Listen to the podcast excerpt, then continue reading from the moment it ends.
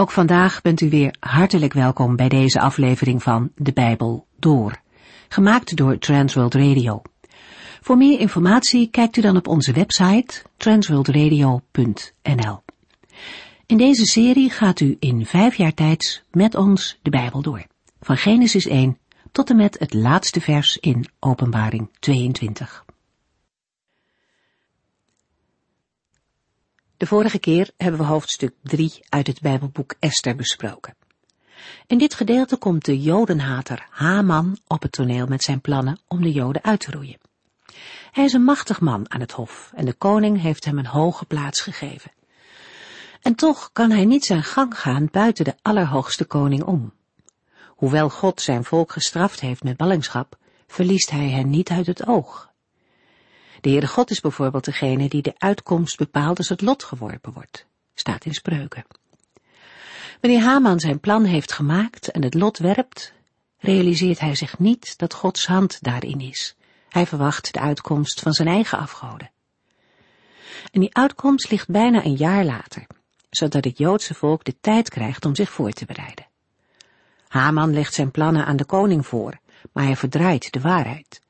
Hij stelt het Joodse volk voor als een gevaar voor het Rijk, omdat zij afgezonderd leven en een andere God, de Heere God, dienen.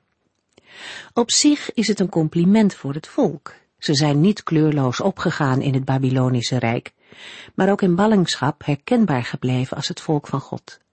En dat is ook voor christenen steeds weer een uitdaging. Wij leven in een land waar Gods wetten niet het uitgangspunt zijn en sommige wetten van God worden zelfs met voeten getreden. Te midden van deze cultuur mogen we als christenen anders zijn en vasthouden aan de normen en de waarden van de Bijbel. Ook als dat consequenties heeft, omdat ongelovige mensen eigen normen verkiezen boven Gods woord. Mordechai boog niet voor Haman, en mede hierdoor zien we de ergernis van Haman uitgroeien tot een geweldige haat voor de Joden. Hoe anders dan de wereld durft u te zijn? Mordechai staat in deze omstandigheden pal voor Gods volk en onderneemt actie. We lezen Esther 4. In de vorige uitzending hebben we de verschrikkelijke boodschap gelezen die ook Mordechai te horen kreeg. In alle uithoeken van het koninkrijk bracht de koeriers het bevel over wat Haman namens de koning had opgesteld. Alle Joden, jong en oud, vrouwen en kinderen, moeten worden gedood op de dertiende dag van de twaalfde maand van het volgende jaar. Hun bezittingen mogen in beslag worden genomen.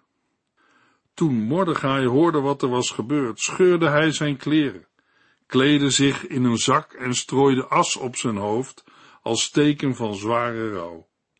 Zo liep hij luid jammerend door de stad. Voor de paleispoort bleef hij staan, want het was verboden in rouwkleding het paleis binnen te gaan. Mordechai's optreden is niet alleen een emotioneel uiten van hartzeer en verdriet. Uit het vervolg blijkt dat hij juist bij de paleispoort rouw bedrijft om met Esther in contact te komen. Terwijl Mordechai en alle Joden in diepe rouw zijn gedompeld, leeft zij afgeschermd in het paleis en weet van niets. Met vers 3 geeft de schrijver van het Bijbelboek Esther een indruk van de droeve situatie van de Joden in heel het Perzische Rijk. Esther 4 vers 3 In alle gewesten waar het besluit van de koning bekend was geworden, verkeerden de Joden in diepe rouw. Zij vasten, huilden en jammerden. Velen sliepen op een bed gemaakt van zakken en as. Overal reageren de Joden net zoals Mordechai. Er is een gemeenschappelijk rouwen, gepaard met vasten en weeklagen, terwijl velen sliepen op een bed gemaakt van zakken en as. De intense droefheid wordt uitvoerig beschreven. Ook al vinden we in deze verse geen expliciete verwijzing naar een godsdienstige motivatie. Het vasten kan wel als godsdienstige handeling gezien worden, als een vorm van gebed. Hoewel bidden niet wordt genoemd, kunnen we wel veronderstellen dat dit rouwklagen een smeking om goddelijke uitredding is. Vers 3 brengt ook duidelijk tot uitdrukking hoe nauw Mordechai verbonden is met het lot van zijn Joodse landgenoten. Het decreet van Cyrus, waar Jezaja al over had geprofiteerd, stelde hen in staat om terug te keren naar Jeruzalem en Israël. Maar dat hadden deze Joden niet gedaan. Hadden zij de Heere vergeten. Wat was er nog over van hun Joodse identiteit en vertrouwen op de God van Israël? We zien er tussen de regels door wel iets van terug. Zij vasten, huilden en jammerden. Velen zullen gedacht hebben, dit is het einde en onze ondergang. Maar dan hebben ze niet gerekend met de Heere. Hij laat niet varen het werk dat zijn hand begon, en hij vergeet geen enkele belofte die hij heeft gegeven. Ook Mordechai onderkent de ernst van het bevel. Hij loopt in zak en as en luid jammerend door de straten van de stad en blijft bij de paleispoort staan. Esther 4 vers 4 Toen Esters dienaressen en hovelingen haar vertelden van Mordechai's gedrag, schrok zij hevig. Ze stuurde hem onmiddellijk andere kleren, om de rouwkleding te vervangen, maar hij weigerde deze aan te trekken. Wanneer Esters dienaressen en hovelingen horen van Mordechai's rouwgedrag, vertellen zij dat aan Esther. Als zij dit doen omdat zij weten van de familierelatie tussen beiden, kan daardoor Esther Joodse identiteit uitlekken, want Mordechai rouwt als Jood. Esther is inmiddels vijf jaar met Ahasveros gehuwd, maar haar genegenheid voor Mordechai is nog steeds groot, want zij schrikt hevig als ze hoort dat haar pleegvader in rouw is. Esther stuurt Mordechai andere kleren om zijn rouwkleding te verwisselen, waarschijnlijk met de bedoeling om hem in staat te stellen het paleis binnen te komen. Maar Mordechai weigert de kleren aan te trekken. Deze afwijzing hoeft niet onbeleefd te zijn, maar is bedoeld om Esther te dwingen verdere navraag te doen. Opvallend is dat zij niet meteen vraagt waarom Mordechai in zware rouw is. Esther 4, vers 5 en 6. Toen liet Esther Hatag komen, een van de hovelingen van de koning. Die was aangesteld als haar bediende. Zij droeg hem op Mordechai te vragen wat er aan de hand was en wat zijn gedrag te betekenen had. Hatag ging naar het plein voor de paleispoort waar Mordechai stond. Pas na Mordechai's weigering van de aangeboden kleren, vraagt Esther naar de reden van zijn gedrag. Zij doet dat door bemiddeling van een van haar persoonlijke hovelingen, Hatag, een bediende die door Aosferos zelf tot haar beschikking was gesteld. Hatag bewijst een integer man te zijn, in wie Esther vertrouwen kan stellen. Zij stuurt hem naar Mordechai en draagt hem op Mordechai te vragen wat er aan de hand is en wat zijn gedrag betekent. Het leven binnen de paleismuren blijkt een geïsoleerd leven te zijn. Esther weet niet wat zich buiten de muren van het paleis afspeelt. In de beschrijving laat de schrijver van het Bijbelboek Esther duidelijk de bezwaren van de indirecte communicatie uitkomen. Hatag moet Mordechai opzoeken buiten de paleismuur op het plein tegenover de paleispoort. Het plein diende als marktterrein. Esther 4 vers 7 tot en met 9. Mordechai vertelde hem het hele verhaal. Hij noemde ook precies het bedrag dat Haman had beloofd aan de koninklijke schatkist te zullen schenken voor het uitmoorden van de Joden. Ook gaf hij Hatag een afschrift van het koninklijke besluit om de Joden uit te roeien. Laat dit aan Esther zien, zei hij. Leg haar uit wat er is gebeurd. Laat haar naar de koning gaan en hem om genade smeken voor haar volk. Hatag bracht Mordechai's woorden over aan Esther. Mordechai vertelt Hatag alles wat hem is overkomen. Het lijkt in eerste instantie alleen over hemzelf te gaan, maar daar blijft het niet bij. Er volgt veel meer. Hij vertelt Hatag over zijn conflict met Haman als aanleiding op de aangekondigde uitroeiing van de Joden in Perzië. Mordechai blijkt van alles wat gepasseerd is op de hoogte te zijn. Hij weet van Hamans voorstel, van de extreem hoge geldsom voor de koninklijke schatkist en van de inhoud van het uitgevaardigde bevel om alle Joden te vermoorden. Onvermeld blijft hoe Mordechai aan de informatie is gekomen. Maar uit het vervolg blijkt dat hij een functionaris aan het hof is, die veel hoort, ziet en waarneemt.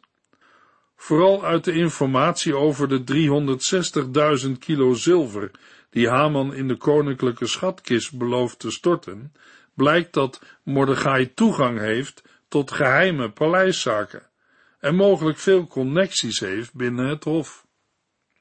Waarschijnlijk heeft Mordechai de enorme geldsom speciaal genoemd om Esther duidelijk te maken hoe ver Haman wil gaan. Daarnaast doet hij dit ook om haar verontwaardiging over Hamans daad op te wekken. Mordechai heeft zelfs een afschrift van het in Susa uitgevaardigde bevel en geeft dit aan Hatach met het verzoek het aan Esther te laten zien. Ook bij deze mededeling wordt niet vermeld hoe Mordechai aan het document is gekomen. Wel wordt de inhoud van het bevel benadrukt. Het is een koninklijk besluit om de Joden uit te roeien. Mordechai's bedoeling is om Esther van de noodsituatie op de hoogte te brengen. Hij verbindt er de dringende oproep aan dat zij naar de koning moet gaan om genade af te smeken voor haar volk.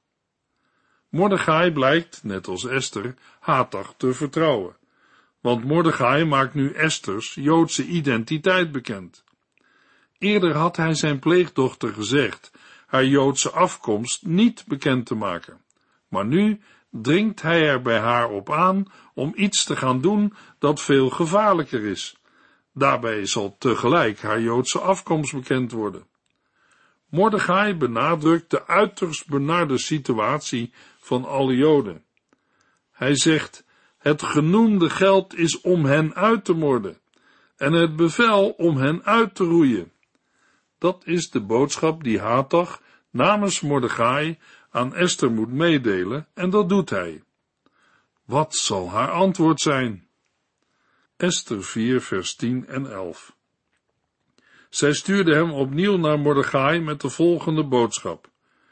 Iedereen weet dat als iemand, man of vrouw, zonder geroepen te zijn naar de koning gaat, in de binnenste voorhof, hij gedoemd is te sterven. Tenzij de koning hem zijn gouden scepter aanreikt, dan is zijn leven veilig. Het is nu al een maand geleden sinds ik bij de koning ben geroepen. Hoeveel bedenktijd Esther nodig heeft voor haar reactie wordt niet meegedeeld. Maar opnieuw moet Hatach optreden als tussenpersoon tussen Esther en haar neef Mordechai. We lezen de reactie van Esther in de vorm van een direct antwoord. Het is een verwijtend klinkende, negatieve reactie. Je hoort het haar bijna zelf roepen tegen Mordechai. Toegang tot de koning is toch strikt verboden? Als de persoon in kwestie niet zelf door de koning is geroepen, dan wordt dat zijn of haar dood. Dat weet toch iedereen? Herodotus meldt dat Deioces, de medier, een wet instelde die door latere Persische koningen is gecontinueerd. Dat niemand ongevraagd de koning mocht zien en ook niet tot hem mocht naderen. Als functionaris aan het hof van de koning moet Mordechai toch beseffen hoe gevaarlijk het voor Esther is om naar de koning te gaan. Ook de Joodse geschiedschrijver Flavius Josephus meldt dat niemand onuitgenodigd naar de koning mocht gaan. Hij beschrijft de koninklijke troon omringd door mannen met bijlen, die klaarstaan om iedereen die ongevraagd in de buurt van de koning komt, neer te slaan.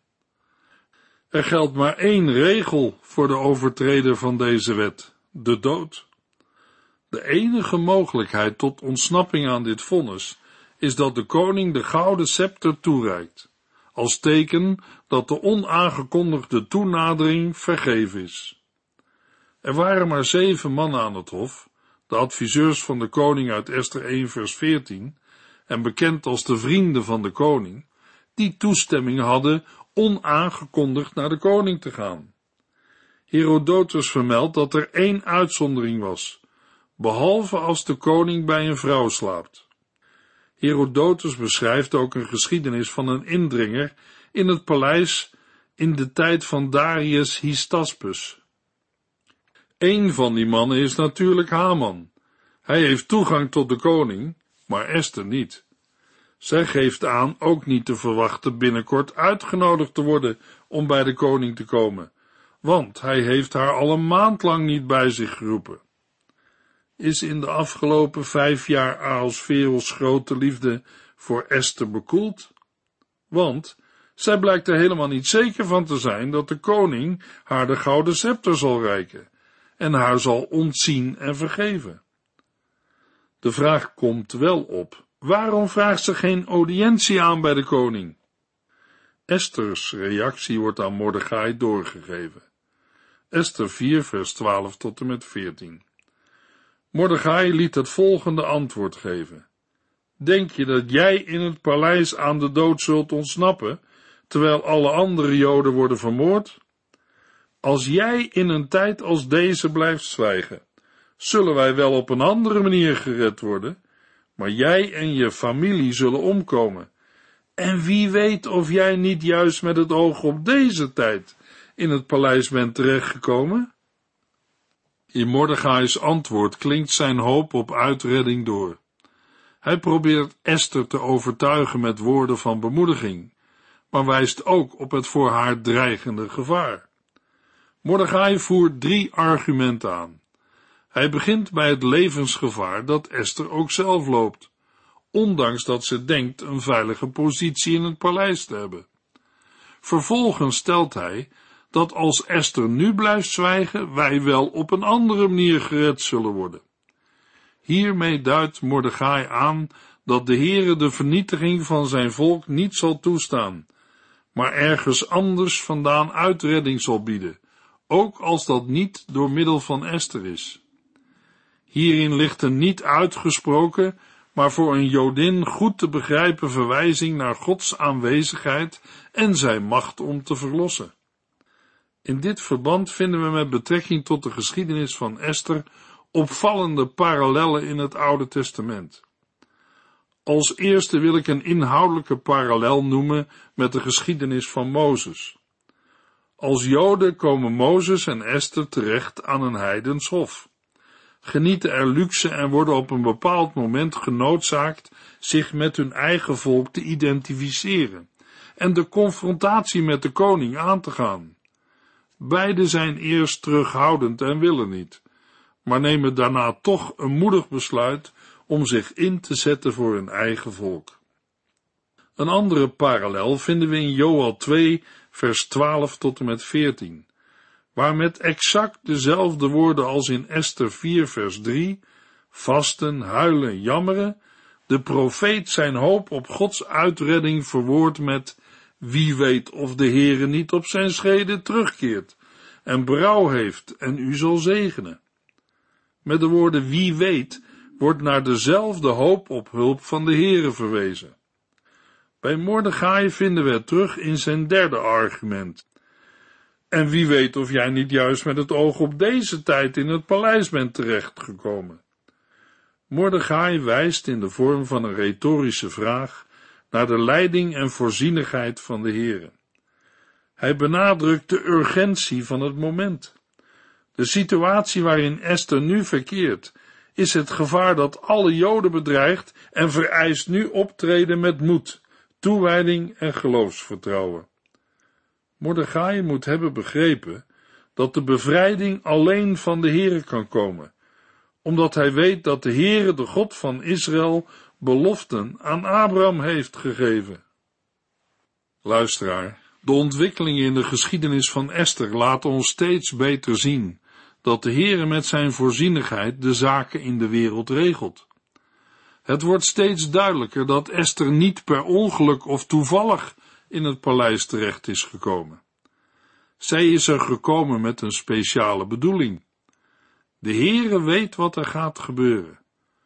Dat is ook voor ons een bemoediging. Ook vandaag mogen wij op zijn leiding vertrouwen. Leg maar stil je hand in zijn handen. Zeg maar stil amen op zijn woord. Laat zijn licht in je hart zo branden. voor hem die je ja heeft gehoord. Leg maar stil je hand in zijn handen, zeg maar stil amen op zijn woord. Op de weg naar hemelse stranden, naar de stad met gouden poort. Kom maar steeds met moeilijke vragen, tot de God die het antwoord weet. Hij die jouw lasten ook wil dragen, is het die je nimmer vergeet. Geef hem maar je volste vertrouwen. Weet ook dat je zijn kind mag zijn. Esther 4, vers 15 tot en met 17. Toen liet Esther aan Mordechai zeggen, roep alle Joden uit Susa bij elkaar en ga voor mijn vasten. Eet of drink niet gedurende drie dagen en nachten. Mijn dienaressen en ik zullen hetzelfde doen. Daarna zal ik, ondanks het verbod, naar de koning gaan. Als ik dan moet sterven, dan zij het zo. Mordechai deed wat Esther hem had gevraagd. De slotversen beschrijven het uiteindelijke besluit van Esther. De beslissing houdt in dat zij haar unieke positie binnen de paleismuren wil gebruiken. Zij laat haar besluit doorgeven aan Mordechai in de vorm van een opdracht. Roep alle Joden en ga voor mij vasten, drie dagen. Het vasten moet haar ontmoeting met de koning voorbereiden, want Esther is zich goed bewust van de mogelijke gevolgen. Dat blijkt uit de woorden, als ik dan moet sterven, dan zij het zo. De woorden klinken als een geloofsbeleidenis. De reactie van Esther houdt in dat zij de dringende oproep van Mordechai om naar de koning te gaan accepteert als haar plicht. Met haar vraag om met alle Joden drie dagen te gaan vasten, geeft Esther aan dat het een zware en risicovolle onderneming is, waarbij zij de steun van de hele Joodse gemeenschap nodig heeft. Met het vasten wordt ook het gebed tot de Heere bedoeld. Beide zaken gaan in het Oude Testament vaak samen. In Esther's beslissing komen vier belangrijke aspecten van haar persoonlijkheid naar voren. Esther stelt zich nederig en afhankelijk op. Haar persoonlijke belangen zijn ondergeschikt aan die van de Joodse gemeenschap. Ze toont veel moed, identificeert zich met haar eigen volk en toont vastberadenheid. Uit haar reactie blijkt een innerlijke ontwikkeling. Was zij vroeger overwegend passief, nu toont ze zich een moedige vrouw met initiatief en een duidelijk plan. Vers 17 geeft aan dat Mordechai met de opdrachten van Esther aan de slag gaat. In het begin van het Bijbelboek heeft Esther steeds bevelen van Mordechai gehoorzaamd. Hoofdstuk 4 eindigt met bevelen die Esther aan Mordechai geeft. Esther 5 vers 1 tot en met 4. Drie dagen later trok Esther haar koninklijke gewaad aan en betrad de binnenste voorhof tegenover de koningszaal. De koning zat op zijn troon tegenover de ingang van de zaal. Toen viel zijn blik op koningin Esther in de binnenste voorhof. Meteen verwelkomde hij haar en reikte haar zijn gouden scepter. Esther kwam erop dichterbij en raakte de spits van de scepter aan. De koning vroeg, wat is er, koningin Esther? Kan ik iets voor je doen? Al wilde je mijn halve koninkrijk hebben, ik zou het je geven. Zij antwoordde, als het uwe majesteit behaagt, nodig ik u en Haman uit voor een diner dat ik vandaag geef ter ere van u. Hoofdstuk 5 omvat een drietal snel op elkaar volgende gebeurtenissen. In de versen 1 tot en met 4 lezen we Esters verschijning voor de koning. In de versen 5 tot en met 8 haar eerste banket of diner. En in de versen 9 tot en met 14 volgt een beschrijving van Hamans galg voor Mordechai. Het geheel is zeer levendig vanwege de afwisseling van vertelling en dialoog. De eerste versen van Esther 5 beschrijven Esther's gang naar de koning en zijn reactie op haar komst. Alles hangt af van wat Ahasveros gaat doen als Esther ongevraagd de binnenste voorhof tegenover de koningszaal betreedt. Daarmee bereikt de geschiedenis een hoogtepunt van spanning. want het leven van Esther staat op het spel, en met haar ook dat van alle Perzische Joden. De woorden drie dagen later is een belangrijke verbinding met Esters oproep in hoofdstuk 4 tot een vaste van drie dagen. Daarmee is duidelijk dat het optreden van Esther is voorbereid en ondersteund door het ononderbroken vasten en de daarbij gepaardgaande smeekbeden van de hele Joodse gemeenschap in de stad Susa. In deze vaste periode van verootmoediging en gebed voor de Heere blijkt Esther te zijn veranderd. Haar twijfelende en op zichzelf gerichte houding heeft plaatsgemaakt voor moed en een doelgerichte en weloverwogen actie. Zij is bereid te pleiten voor het Joodse volk, waarmee ze zich nu volledig heeft geïdentificeerd. Gedegen voorbereid op de ontmoeting met de koning, kleedt Esther zich op gepaste wijze in haar koninklijke gewaad. Zij benadert de koning in haar positie als koningin. De spanning loopt op, maar wordt gebroken op het moment dat de koning Esther de gouden scepter reikt. Zij kan nu veilig naar Aosferos gaan en het uiteinde van de aangereikte scepter aanraken als uiting van dank en respect. Waar wij zouden verwachten dat Esther nu voor de Joden pleit, komt geheel onverwacht haar verzoek of de koning op dezelfde dag nog naar het diner komt dat zij voor hem en Haman geeft.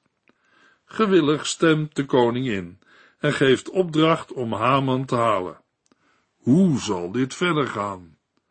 In de volgende uitzending gaan we het lezen in Esther 5 vers 5 tot en met 6 vers 8. U heeft geluisterd naar De Bijbel Door, in het Nederlands vertaald en bewerkt door Transworld Radio. Een programma waarin we in vijf jaar tijd de hele Bijbel doorgaan. Als u wilt reageren op deze uitzending of u heeft vragen, dan kunt u contact met ons opnemen. Tijdens kantooruren kunt u bellen op 0342 478432. 0342 478432. Ook kunt u een e-mail sturen naar de Bijbel door at transworldradio.nl en natuurlijk kunt u ook via de post ons bereiken. TWR, postbus 371, postcode 3770, AJ in Barneveld. Dit programma werd gepresenteerd door Cor Weda en Ike André. Techniek was in handen van Odin van Voorkom. En wij allemaal bedanken u voor het luisteren. Graag tot de volgende keer.